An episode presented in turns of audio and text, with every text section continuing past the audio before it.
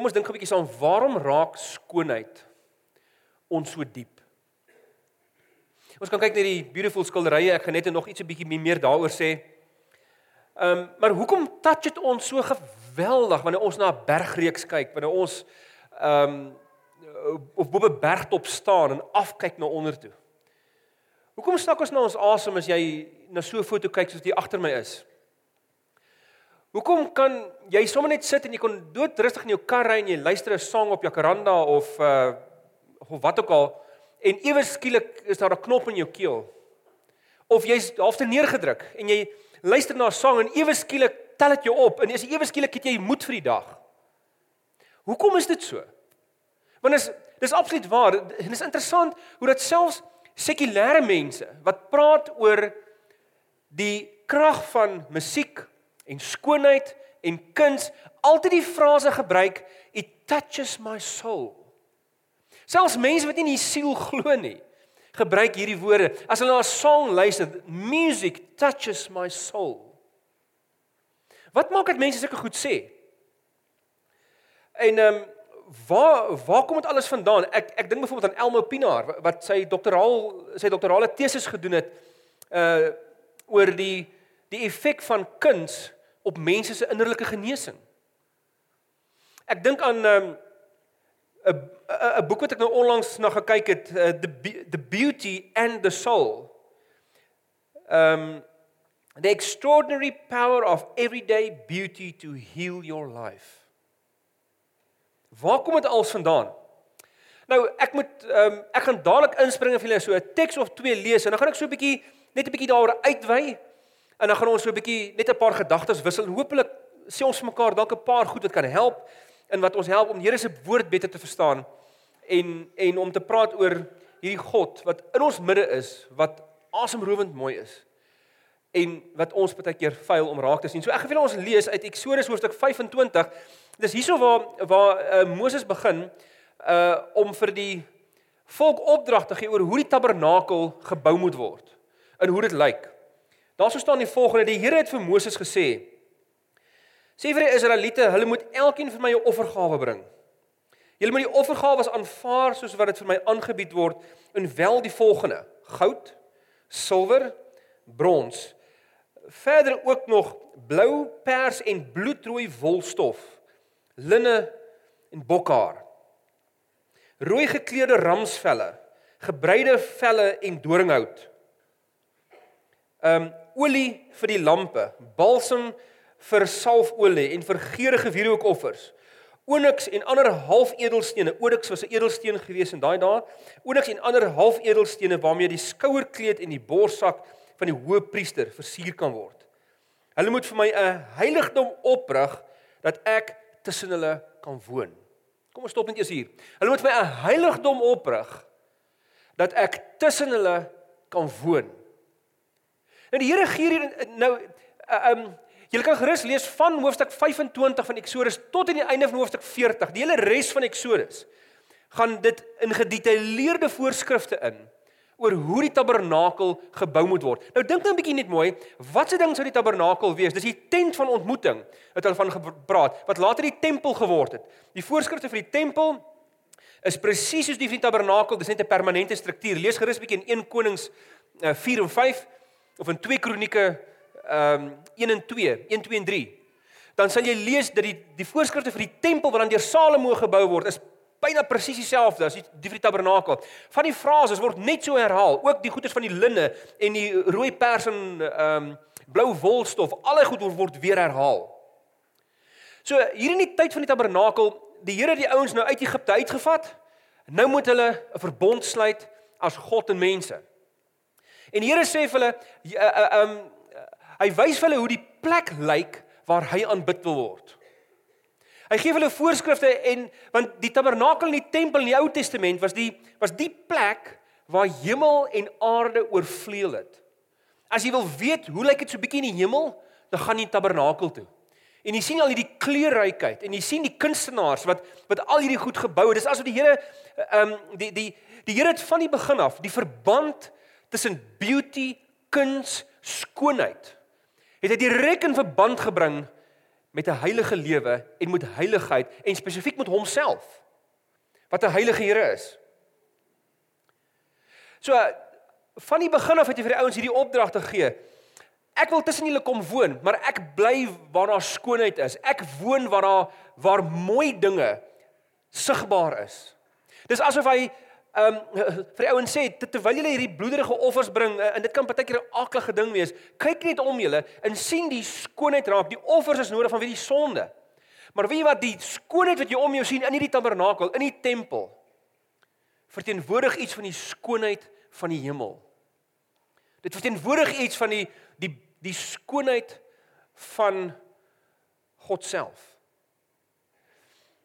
En dit is waarom die die voorskrifte so spesifiek was. As jy dit byvoorbeeld vergelyk, daar's net een hoofstuk in Genesis 1 waar die skepping verduidelik word, hoe die hoe die ehm um, um, hoe die skepping in mekaar sit. En natuurlik die Here het natuurlik geskep met die idee om ehm um, dinge so te maak dat Adam en Eva wat geleef het daarna kan kyk en dit hulle ehm um, God kan raak sien. Maar in Genesis 1 en 2 was skoonheid iets wat 'n mens outomaties raak gesien het. Toe gebeur Genesis 3.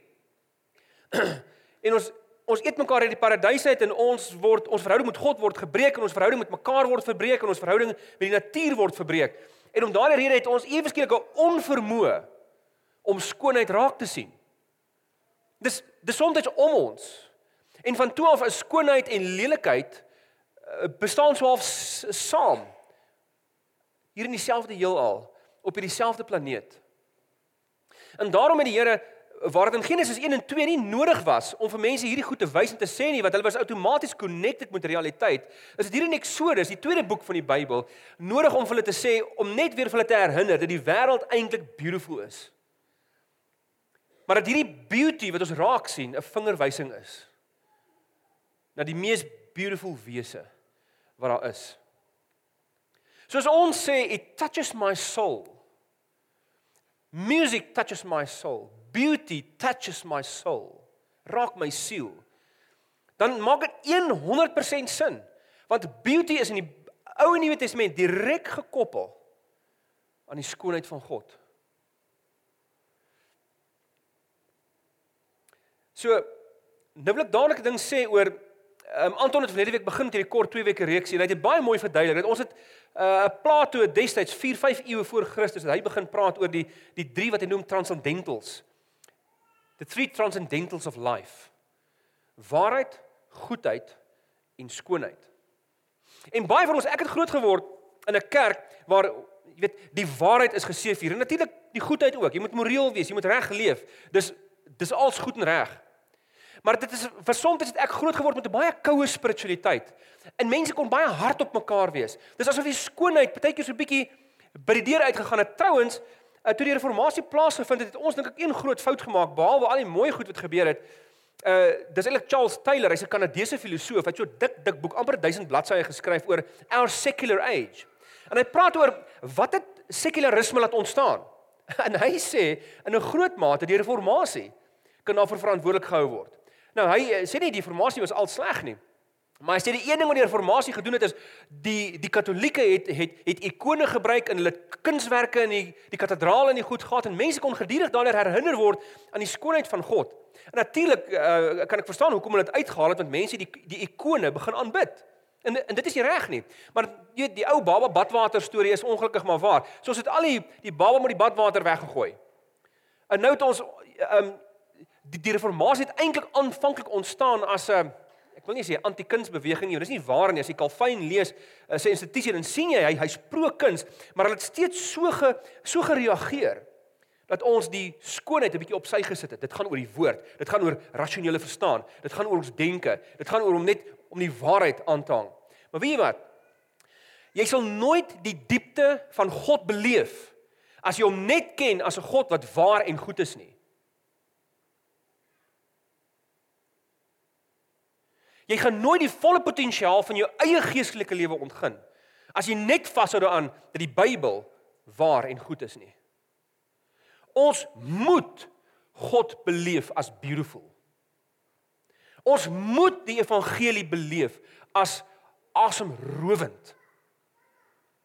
Dat jy die skoonheid begin raak sien. Jy gaan nie lewe nie kan geniet as jy net altyd fokus op wat waar en goed is nie. Waarheid en goedheid is skoonheid kan ook nie sonder dit nie. Dis al dis al drie op 'n gelyke vlak. God is al drie. Maar ons het vreeslik baie klem gelê op die eerste twee.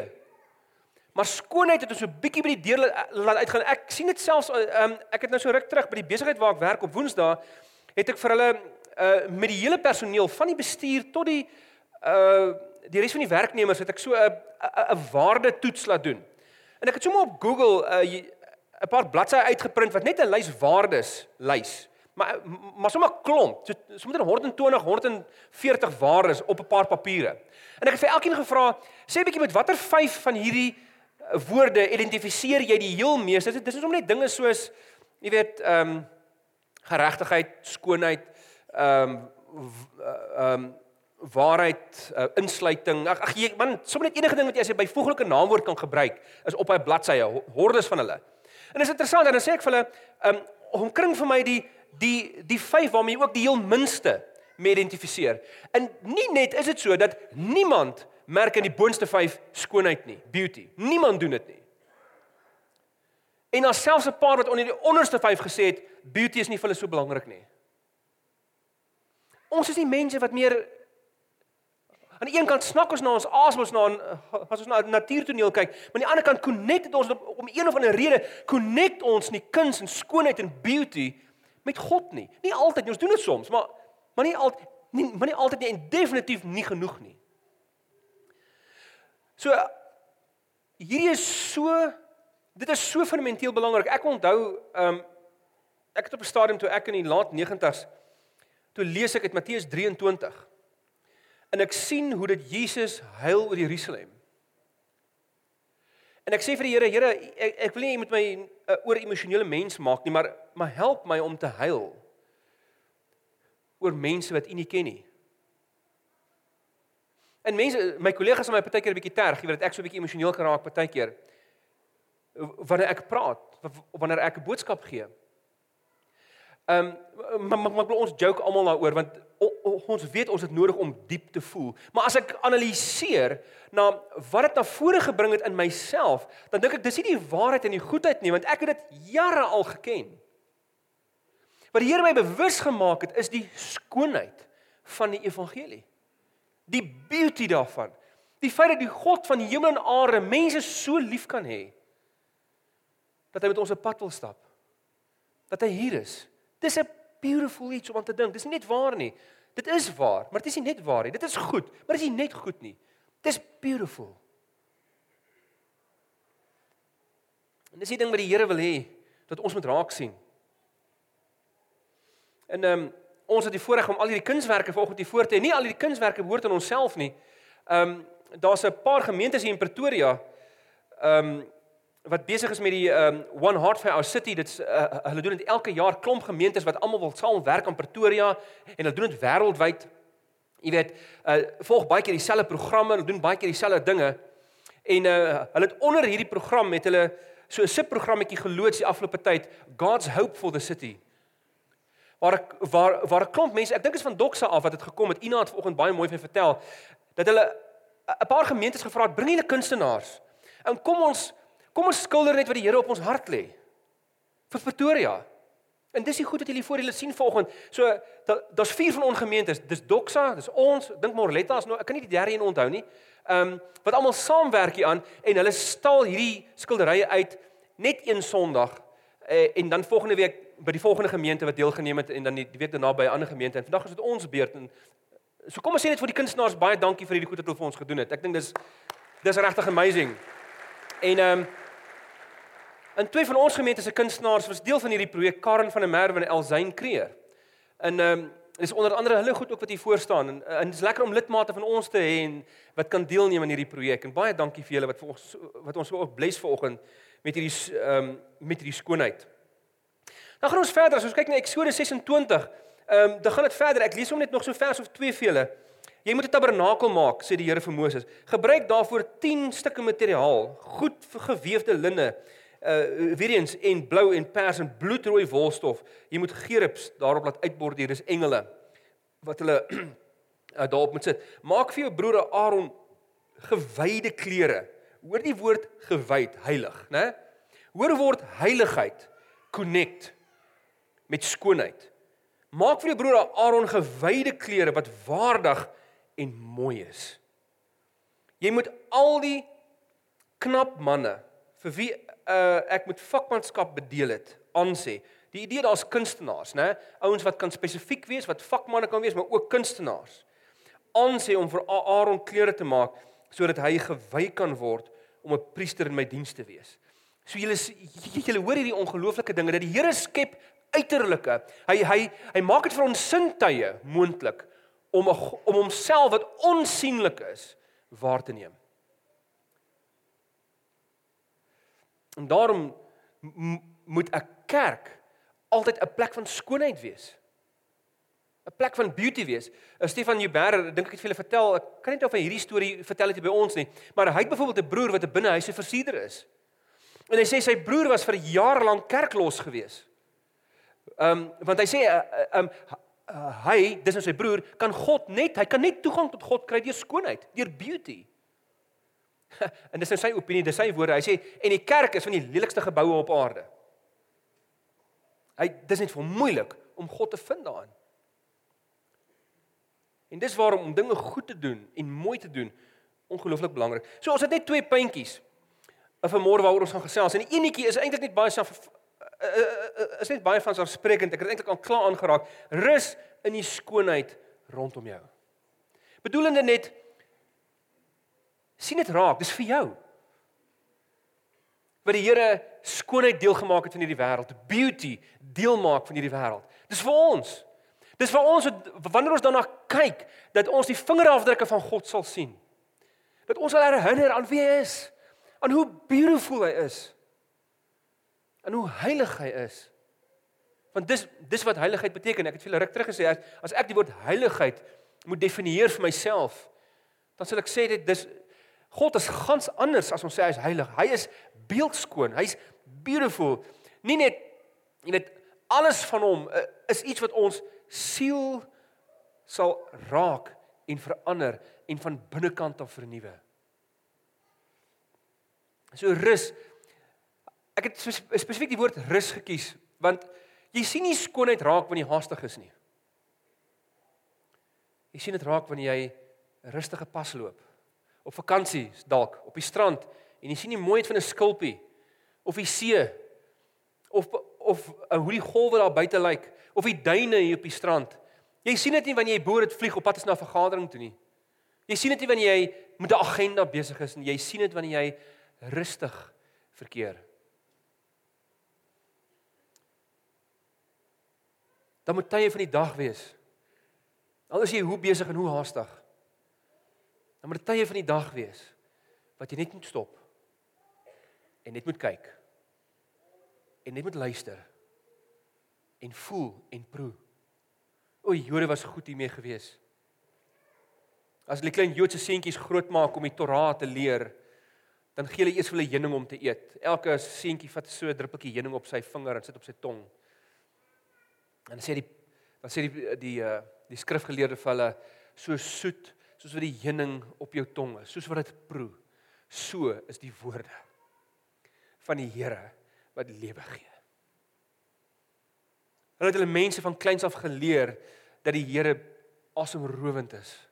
Dat die lewe daarom asem asemrowend is ten spyte van al die dinge wat gebeur. En weet jy wat jou siel sal eers rus kry. Jy sal angstig bly, jy sal depressief bly, jy sal te neergedruk bly. Jy sal onvrede beleef totdat jy leer om die skoonheid van God in hierdie wêreld raak te sien. Jy kan die waarheid ken en jy kan 'n goeie mens wees. Dit gaan jou nie genees nie. Dit gaan jou help. Dit gaan vir jou rigting gee. Absoluut. Maar dit gaan jou nie ten volle genees nie. Daarvoor het jy skoonheid nodig. En in ons mooi land gaan jy altyd teneergedruk wees as jy nie leer om die skoonheid van die land raak te sien nie. Ons is nou in Tembisa gewees van gister af. 'n Hele klompie van ons gemeentelede. Al ons leraars Niels kon nie saamgaan nie want hy het gistermiddag en gisteraand tyd troue gehad. En wie as jy daar inry dan sien jy dinge is baie anders. Daar's nie plek vir tuine nie, dis baie stowwerig. Jou heel eerste konklusie is, is nie 'n beautiful plek hierdie nie. Totdat jy die mense leer ken. Dan kom jy agter die skoonheid van hierdie plek is in sy mense.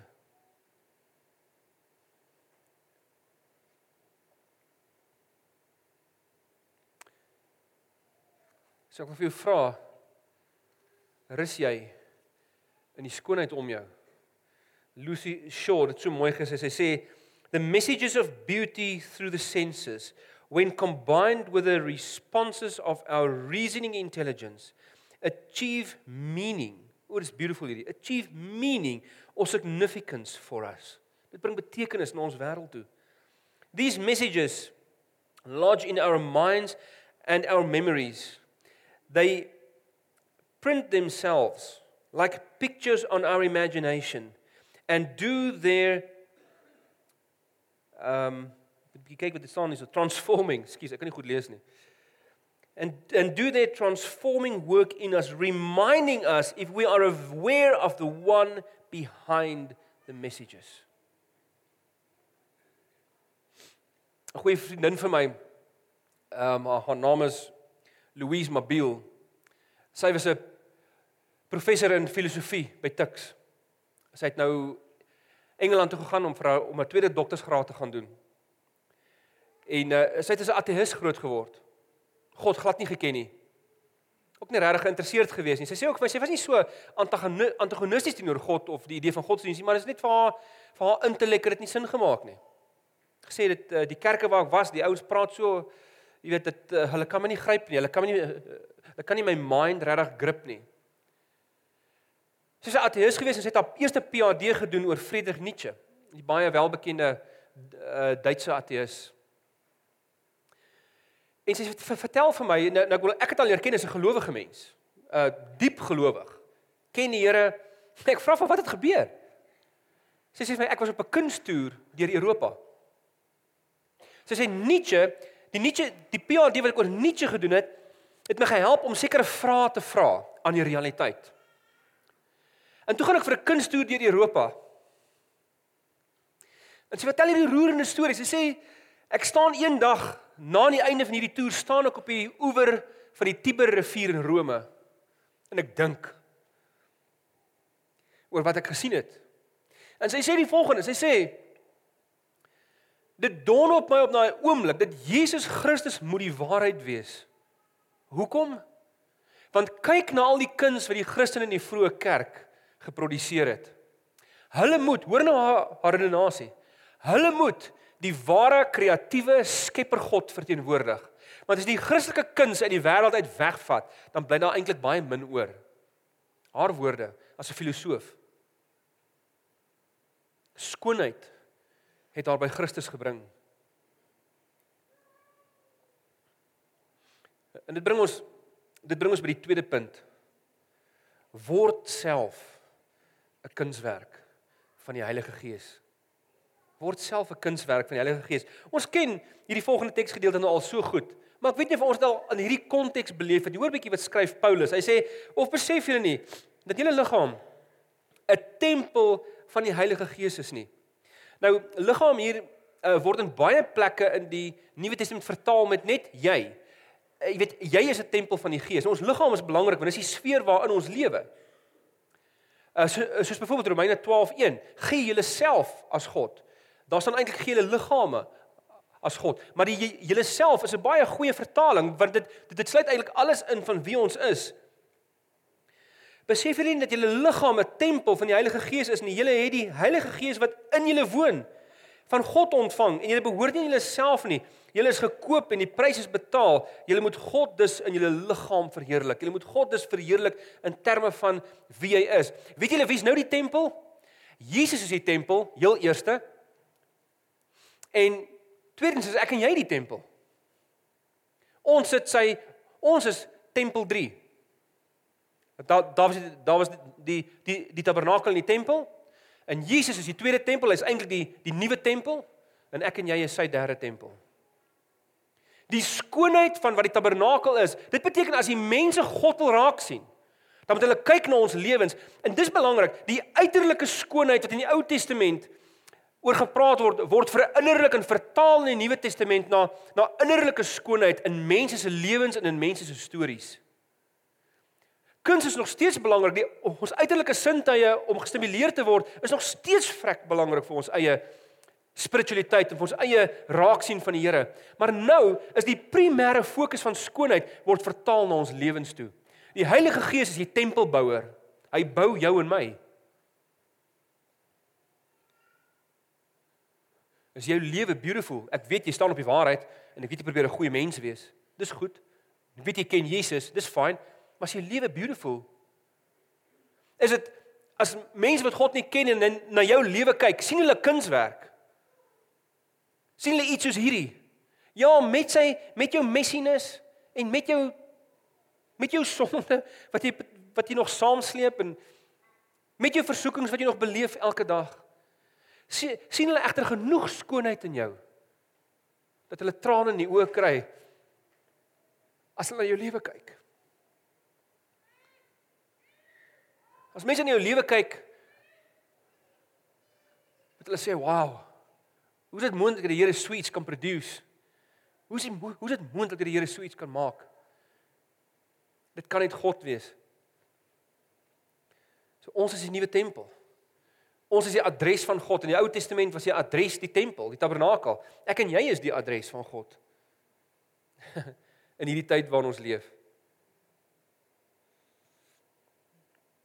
En as sê ons hier so in in 1 Petrus in 1 Petrus 1 staan daar nee soos hy wat julle geroep het heilig is moet ook moet julle ook in julle hele lewenswandel heilig wees daar staan immers geskrywe wees heilig want ek is heilig ekskuus ek sien ek het 'n fout gemaak daar is nie 1 Korintiërs 6 is met Tembisa naweek wat ek sal blame vir dit dis my verantwoordelikheid sorry oor dit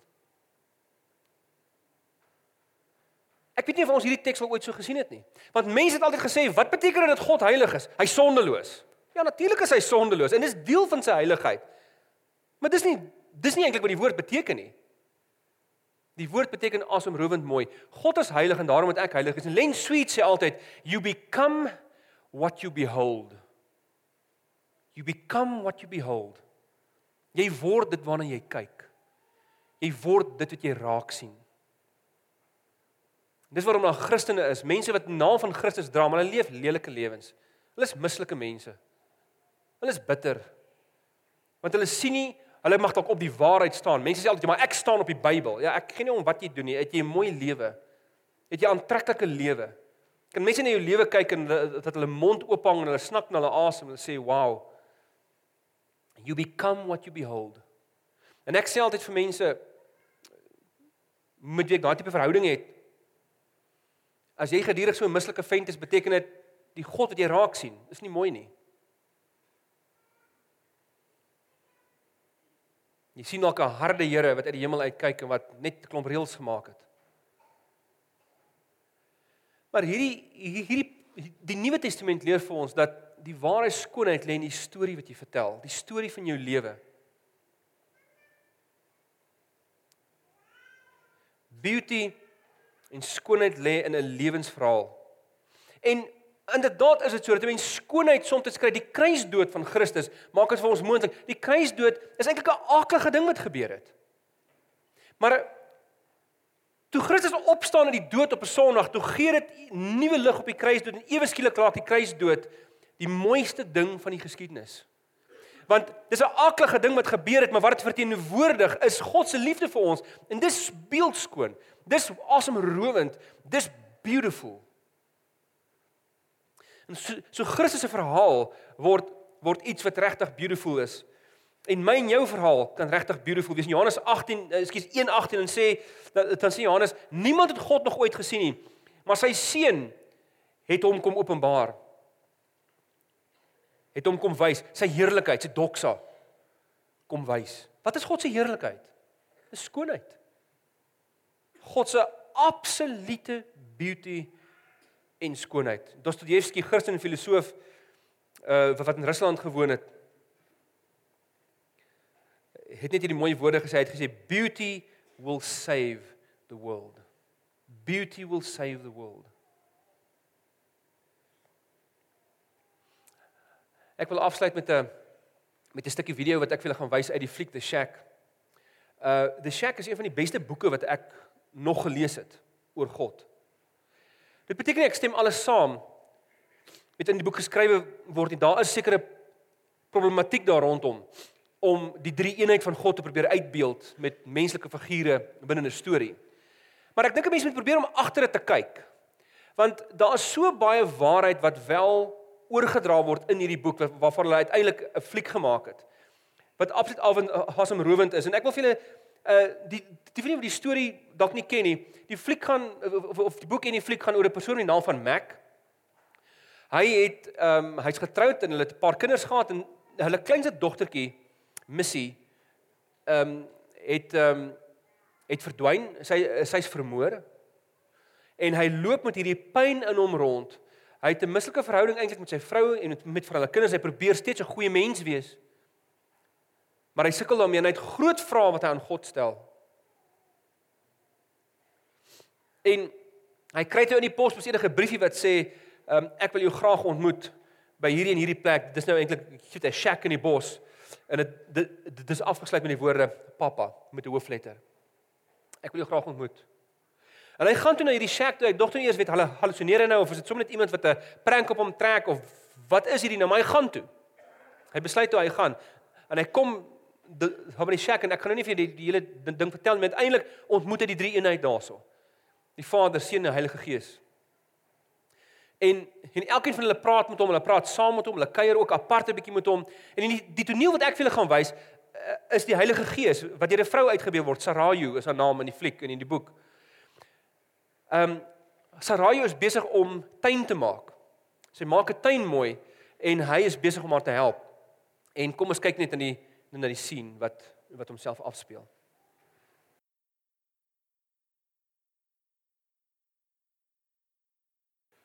Hierdie gedeelte beeld baie mooi uit hoe die Heilige Gees besig is om sy lewe mooi te maak.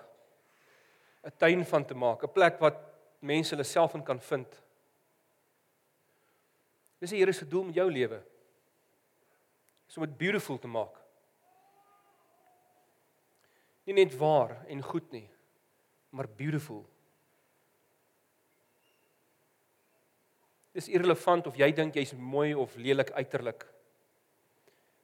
Want Petrus herinner ons in 1 Petrus 1, moenie dat jou skoonheid bestaan uit uiterlike dinge nie, maar uit innerlike karakter.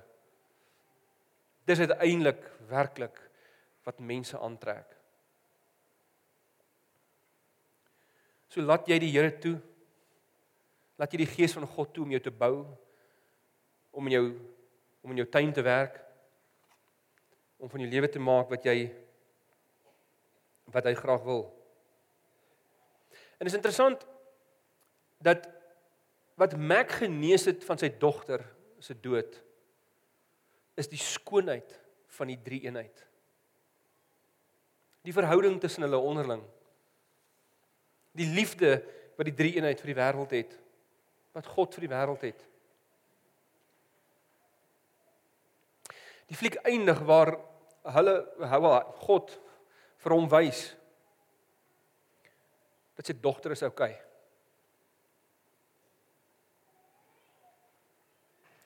En wat dit alles moontlik gemaak het is die kruisdood van Christus. Dat Christus aan die kruis die lelikste ding beleef het met die mooiste ding geskep het die mooiste ding gemaak daarvan. In om net dit te illustreer wil ek net afsluit met 'n storie van die die kunstenaar Auguste Renoir. Is 'n ongelooflike kunstenaar, ongelooflike skilderye gedoen, ook hier en daar 'n beeldhouwerk gedoen. Die mooiste mooiste skilderye gemaak. En toe hy ehm um, al so oud was dat hy sy, sy hand het later saamgetrek van die reumatiek. Hy soveel sodat hy eintlik nie meer kon skilder nie. Um terwyl hy skilder was dit so pynlik. Vertel hulle dat die trane geloop het terwyl hy skilder in die einde van sy lewe. Maar dit was net te pynlik. En mense het vir hom gevra: "Hoekom hou jy aan? Hoekom hou jy aan om dit te doen? Jy het al soveel geproduseer, jy het al soveel vir ons gewys, jy het al soveel dinge wat ons jou mee kan onthou en jy het al jy het al soveel skoonheid geskep. Hoekom hou jy aan daarmee? In sy antwoord was eenvoudig dit: The pain passes but the beauty remains.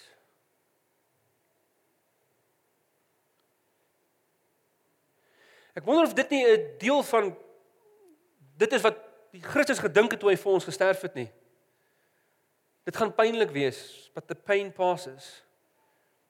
But the beauty remains. En soms vat God ons deur pynlike prosesse om iets beautiful te skep in ons eie lewe. Soos met Christus.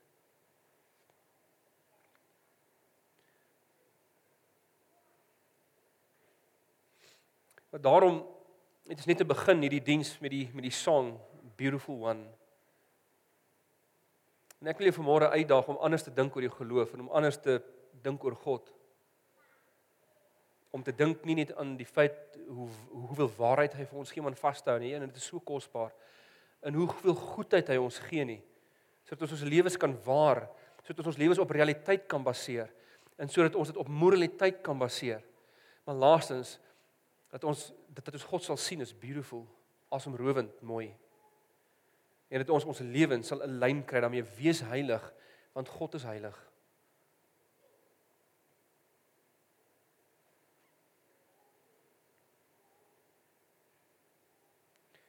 En die sang sê beautiful one I adore you. Skoonheid kan jy kan jy adore. My soul must sing. Dis hoekom ons sing. Dis hoekom woorde om te praat nie genoeg is nie. Ons moet dit sing.